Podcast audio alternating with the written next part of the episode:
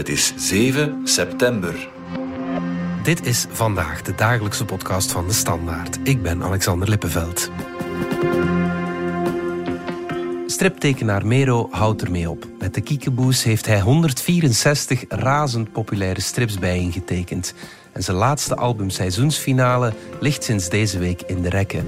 Maar Fanny en Co die gaan mogelijk door met een andere tekenaar. Een icoon erven, eenvoudig is dat natuurlijk niet. Hoe gaat dat, zo'n stripreeks overnemen?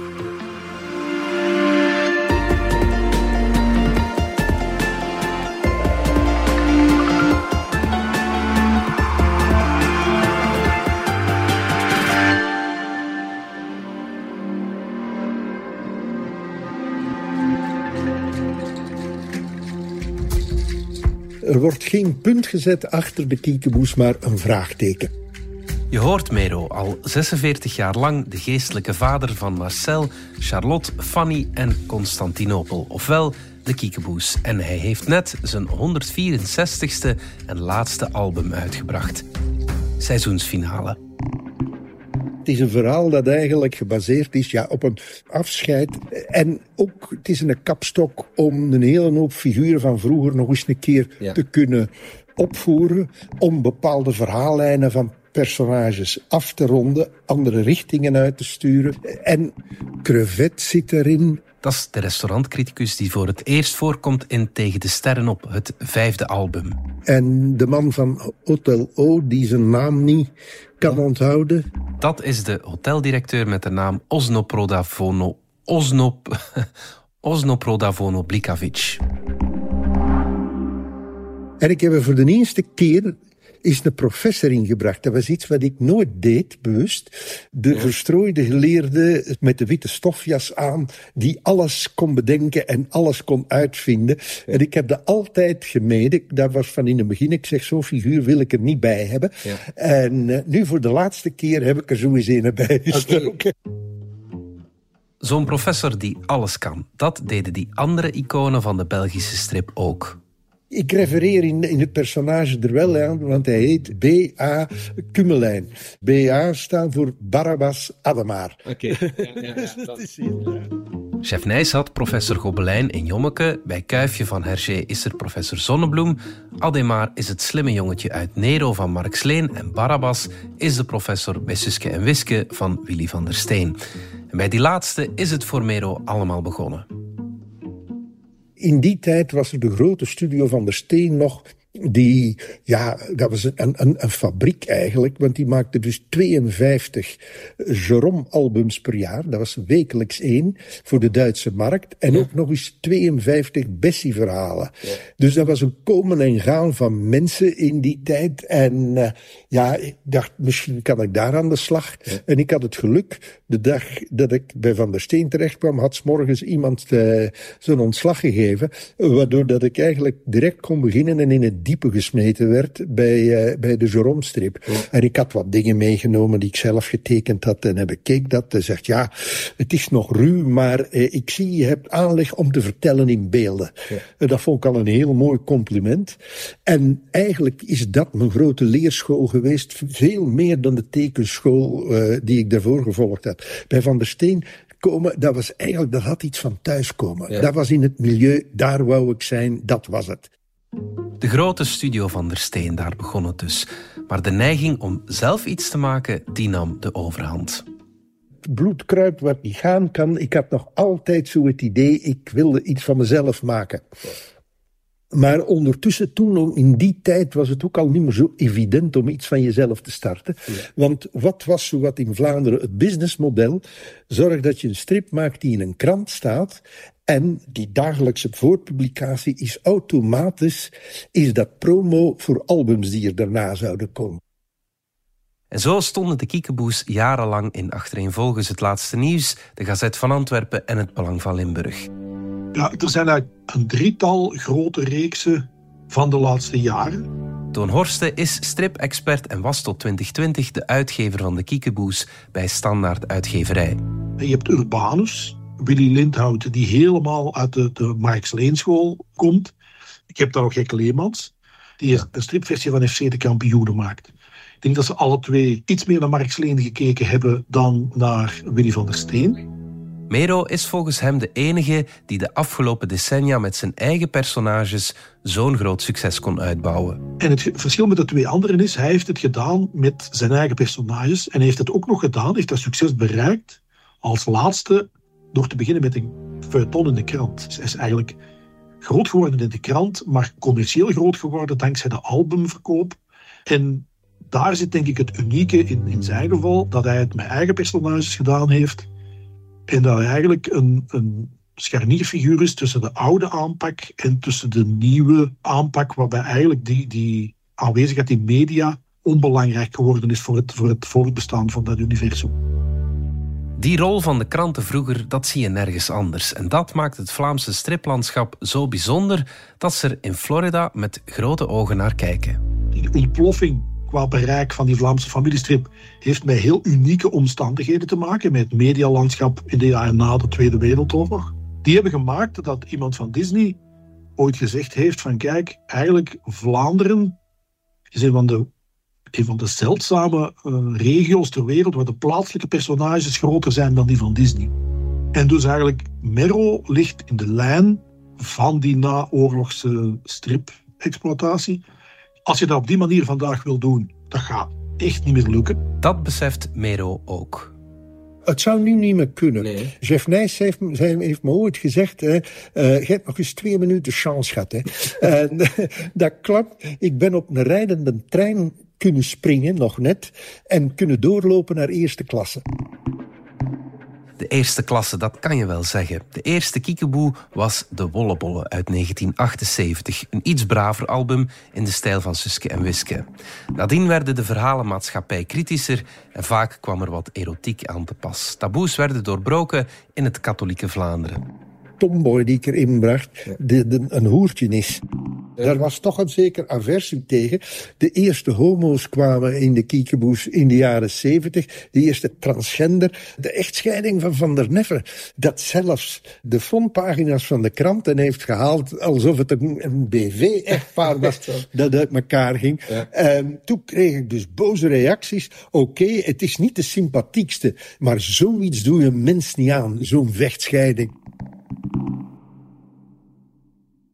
Het hoogtepunt is misschien wel de strip met de naam Album 26, dat ooit verkozen werd tot de populairste Vlaamse strip en waarbij Mero de grenzen van het genre helemaal opentrekt. Gewoon eens lezen, dan begrijp je wel wat ik bedoel. Mero werd beroemd om zijn geweldige woordspelingen en taalgrappen. Mijn favoriet, dat is de hippie jonge Wortel, die zijn leven omgooit en plots de snobistische karot wordt. En dan zijn er ook nevenpersonages zoals Alain Provist, Bas Ketbal en Lex Tok. Ik heb een, uh, een superfan, die maakt dus van alles excels, ook van de namen van de personages. En als ik twijfel, dan vraag ik het aan hem. en die kan me binnen de vijf minuten zeggen, ja, de naam, uh, ofwel heb je hem niet gebruikt, ofwel heb je hem daar gebruikt, in een paar gevallen, en je weet het misschien niet, maar je hebt hem per ongeluk twee keren gebruikt. Ah, ja, okay. Er kwamen 164 albums en er werden zelfs kiekeboe-films gemaakt.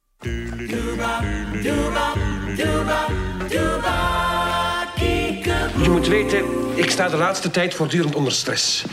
Ik moet er eens tussenuit. Verandering van milieu zal me goed doen. En daarom gaan we met vakantie. Is dat geen goed nieuws? Waarheen? Op safari in Kenia. Of een, een overlevingstocht in de Himalaya. Nee, naar een camping. 30 miljoen albums gingen uiteindelijk over de toonbank. Dat is heel veel. Maar het idee van Kiekeboe dat kwam van Walter Merotijn, de broer van Mero, die hem vroeg om Marcel te ontwerpen voor zijn poppentheater. Het moest een kale man zijn met een dikke neus en een grote snor. En dus toen ik met een eigen stripreeks wou ontwerpen, begon ik ook van die Kiekeboe. Dat is ook de reden dat hij eruit ziet zoals hij eruit ziet. Ja. Want als ik hem echt voor de strip had getekend, dan was het niet zo'n ronde kop, de kale in de stijl van Lambic en Nero geworden. Dan had hij er wel anders uitgezien. Maar bon, daar zet ik aan vast. Maar het echte succes van Kiekeboe was natuurlijk niet Marcel, maar zijn dochter Fanny. Want zonder Fanny was de Kiekeboes nooit het succes geworden wat het, uh, wat het nu is. De sterke figuren in die strip, dat zijn allemaal de vrouwen. Uh, dat is Fanny, uh, dat is Charlotte, Moumou, Tomboy. Marcel die loopt er een beetje voor spek en bonen bij. Hoe langer hoe meer. Terug naar vandaag dan. Mero heeft de taken al een tijdje verdeeld. Hij doet het al lang niet meer allemaal zelf. Hij doet wel nog de ruwe schetsen, de model sheets heet dat, en hij bedenkt het verhaal. Maar hij heeft ook tekenaars in dienst, zijn dochter doet de inkleuring en hij wordt bijgestaan bij het schrijven van het scenario. Maar het is zo wat, ja, de laatste drie, vier jaar dat ik alleen model sheets maak. Maar ik heb nog altijd, dat heb ik altijd gehad, zeggenschap gehad over hoe de plaat was, over de compositie, heel de structuur ervan, dat heb ik altijd zelf in handen gehouden. Toon Horsten noemt Mero een regisseur. Op een bepaald moment is hij dan ook eigenlijk inbreng van andere mensen gaan toelaten. Maar dan stel je toch vast dat hij uiteindelijk toch altijd wel er echt wel over waakte dat hij de controle behield. Mhm. het is niet zo dat er albums zijn uh, die hij bij wijze van spreken uh, pas gezien heeft toen ze in de, in de krant stonden of in de winkel lagen. Als je het dan, dan met filmtermen beschouwt, hij is wel altijd de regisseur gebleven. Ja, dus, dus de producer was hij altijd, maar hij is ook altijd regisseur gebleven. Zelfs op momenten dat de inbreng van andere mensen groter was dan vroeger, de final cut die werd altijd door hem gemaakt. Daar wrong ook het schoentje ik moest nog altijd dat tempo volgen. En dat is ook een van de redenen dat ik gezegd heb: ja, jongens, eh, ik stop ermee. Ik wil me volledig vrijmaken. Ik wil. Ja. Nu is eindelijk, ik word er 75. Voor de eerste keer in mijn leven is over mijn eigen tijd ja. kunnen beschikken. Maar dat wil niet zeggen dat de kiekeboes ook stoppen. Het is goed mogelijk dat iemand de reeks overneemt. Dat doet Mero denken aan de korte periode dat hij bij Studio van der Steen werkte. Willy van der Steen die zei toen tegen Paul Geerts, want die had ook zoiets, oeh, Suske en Wiske overnemen. En die zei, ja Paul, dat gaat een andere Susken en Wiske zijn dan degene die ik maak. Maar vanaf nu moet het publiek wennen aan jouw Susken en Wiske. Ja, ja, ja. En het is ook niet slecht dat er ook eens een keer nieuw bloed bij komt en dat men nieuwe dingen gaat verkennen, nieuwe wegen. De schoenen van Mero die zijn natuurlijk erg groot om te vullen. En het is dus nog afwachten of dat zal gebeuren en wie dat zal doen.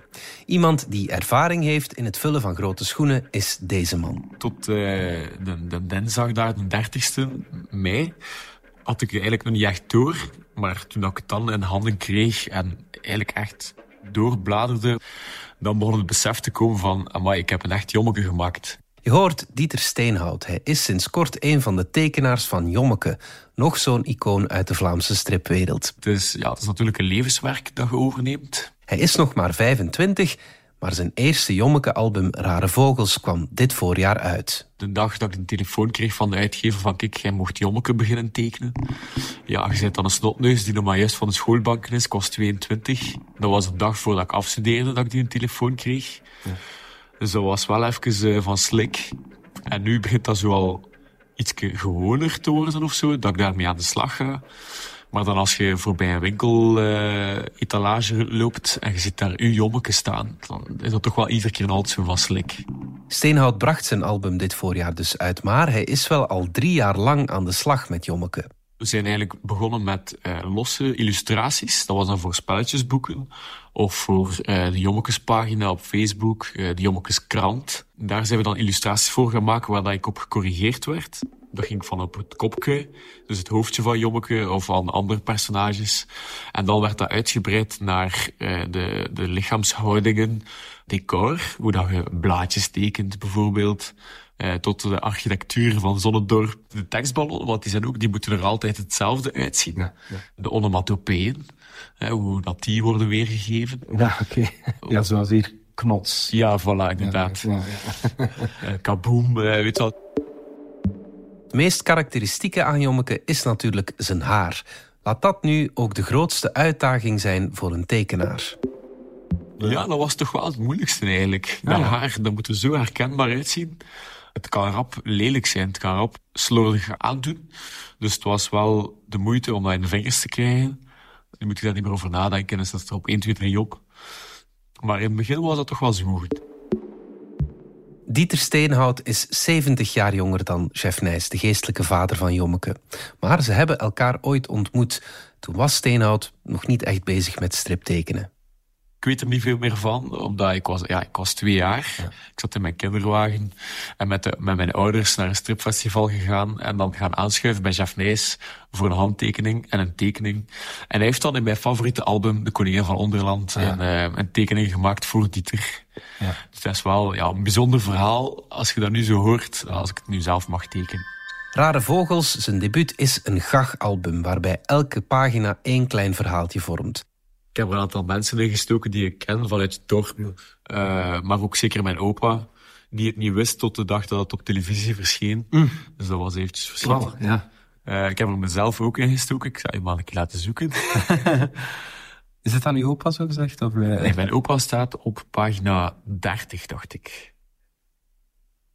Met, ah, ja. met de grote snor. Ja, oké. Ja, die is een beetje overdreven. En het echt is niet zo... Uh... Dat is uh, de vrijheid van de, van de tekenaar. voilà, dat is een vriend van mijn ouders. Het is leuk om daar zo personages die je kent in te kunnen steken en deel te laten worden van dat Jonks-universum. Ja. Daar kan je dus wel wat eigenheid in kwijt. Maar rond de vaste personages, zoals Jommeke zelf, maar ook Filiberke en de Miekes, zijn er wel regels. Die zijn ook vastgelegd in het testament van Jeff Nijs. Dus daar mag er helemaal niet aan geraakt worden. Ja. Uh, en dat vind ik ook fijn, want het is daardoor dat een reeks zo populair blijft door die herkenbaarheid. Uh, Nijntje zal bijvoorbeeld ook niet veranderen van uitzicht. Mickey Mouse is in het begin een beetje veranderd, maar nu is die de laatste jaren ook altijd hetzelfde er gaan uitzien. Uh, en dat zorgt voor de herkenbaarheid en daarom blijven de mensen daar naar teruggrijpen. Jommeke is dus al jaren hetzelfde. Niet alleen qua uiterlijk, maar ook de geest van de verhalen blijft onveranderd. Dat geldt ook voor Suske en Wiske. Chef Nijs en Willy van der Steen legden hun regels vast en daar kan nooit van afgeweken worden. Hoewel het nog niet zeker is dat de Kiekeboes een vervolg krijgen, zijn er voor de opvolger van Mero maar twee regels. De uitgeverij, eh, voor hen is het belangrijk, want het is ja in Vlaanderen momenteel de best verkochte strip. En uit loyaliteit ook voor mijn uitgever heb ik gezegd, oké, okay, uh, zoek een oplossing. Ja. Maar, daar heb ik wel gezegd, ik zoek een oplossing, maar doen jullie dat? Ik hou me er volledig buiten. Zoek iets en uh, als je iets hebt, dan kom je mee naar mij en dan zal ik zeggen: oké, okay, dat is goed of het is niet goed. Ik ga geen testament maken van dit mag en dit mag niet. Er zijn twee dingen dat ik zeg. Zorg ervoor dat hun karakter blijft zoals het is. -hmm. Zorg daarvoor. En zorg ervoor dat ze altijd in de huidige tijd staan. Ja. En dat ze altijd die tijdsgeest mee hebben. Ja. Dat zijn de één, de twee enige dingen. Toon Horsten vindt het een goede zaak dat Mero geen streng testament heeft vastgelegd. Mero heeft heel veel geleerd van Willy van der Steen. Hij heeft daar de stil geleerd in de studio bij Van der Steen. Er zijn ook dingen waarvan hij zegt, ik heb soms ook gezien hoe het naar mijn aanvoelen niet moet. Willy van der Steen is ook iemand die een uitgebreid testament heeft gemaakt. Dit, dit moet er met al die reeks gebeuren, dit mag, dit mag niet. Hij heeft daar gezien dat de wereld verandert continu. En als je dan een testament maakt waarin je dingen veel vastlegt, kan je de mensen die na u komen de situatie heel moeilijk maken. Omdat dingen die 40 jaar geleden heel vanzelfsprekend waren, zijn dat nu niet meer. En andersom. Ik denk dat dat heel bewust is dat hij zegt van ja, ik ga, ik ga dat niet op papier zetten, omdat uh, dat ik gezien heb dat dat eigenlijk ook tegen uw reeks, personages zich kan keren. Ja. Hij, heeft, hij heeft die reeks bijna 50 jaar gemaakt. En als je iets van de kiekeboes kan zeggen, is dat het eigenlijk een soort van spiegel is van hoe dat de wereld veranderd is. En wie weet, wat staat ons nog allemaal te wachten. En als je dan gaat zeggen op een bepaald moment, dit mag en dit mag niet in, in die wereld, maak je dat soms gewoon onmogelijk. Het is natuurlijk niet gemakkelijk een razend populaire stripreeks overnemen. Horsten denkt zelfs dat Kiekeboe zo'n succes is omdat Mero de reeks altijd heel dicht bij zich heeft gehouden. Ik denk dat de Kiekeboes altijd op een heel spontane manier een auteurstrip gebleven is. Daarmee bedoel ik, bijvoorbeeld kijk naar Suske en Wiske, die eerste verhalen die zijn heel, heel persoonlijk. Die personages veranderen continu. Daar zitten elementen uit het persoonlijk leven van Van der Steen in. Bij Jommeke had je dat eigenlijk ook. Maar op een bepaald moment worden die reeksen formulestrips. Waarmee dat ik bedoel, die karakters liggen vast. De stijl ligt helemaal vast en je kan die eigenlijk aan mensen overgeven.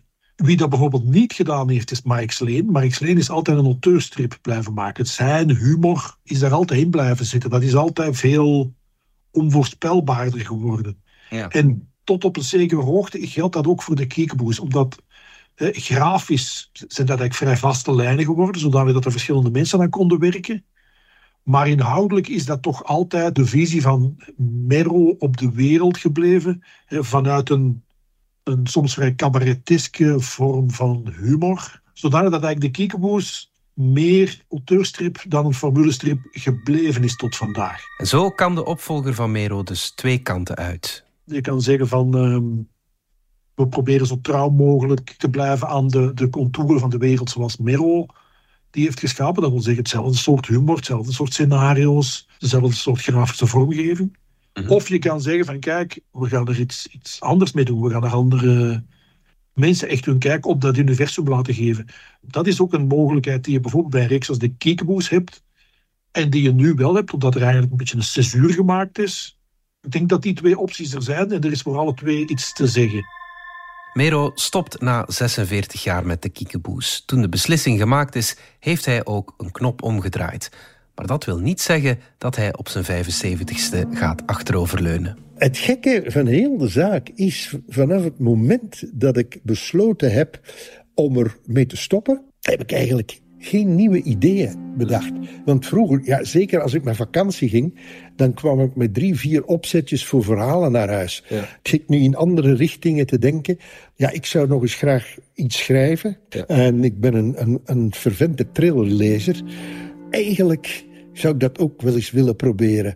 En het is ook zo nog eens een uitdaging, want het is echt buiten mijn comfortzone. Een strip maken, dat wist ik nu onderhand wel. En als je dat zo lang doet, de ene is minder dan de andere, maar echt het laten mislukken, dat gebeurt niet meer. Daar heb je te veel ervaringen met je voor om het toch nog, nog goed te krijgen. Maar met dit, ja, dat is eigenlijk uh, terug dansen op een koord zonder net. Nu, als ik iets schrijf en ik laat het aan mensen lezen die zeggen allemaal, oei, dat is verschrikkelijk. Ja, dan wordt het gewoon niet uitgegeven. maar anders, anders wil ik dat toch nog wel eens. Wat er gebeurt met de kiekeboes, dat laat Mero over aan de uitgeverij. Maar zijn raad aan zijn mogelijke opvolger is: hou het spannend probeer om er ja, geen sleur in te krijgen uh, dat je niet op routine gaat werken. Want dat heb ik gezien bij die grote reeksen. Dat gevaar schuilt er altijd in dat je na een tijd ja, echt op automatische piloot gaat werken. Dus ik heb altijd geprobeerd alles in vraag te stellen. Dingen laten evolueren, laten aanpassen. Soms tegen de zin van het publiek in. Want het publiek reageert altijd heel conservatief. Toen ik bijvoorbeeld begon met de kledij van de personages te veranderen, het formaat te veranderen, ja, maar dat hadden ze niet graag. Het, gekke is, eh, een uh, publiek wil verbaasd worden aan de ene kant, maar ze hebben ook een bepaald verwachtingspatroon. Dus het, de truc zit erin, je moet ze verbazen met iets wat ze verwachten. Ja. dat is, daar komt het ook neer.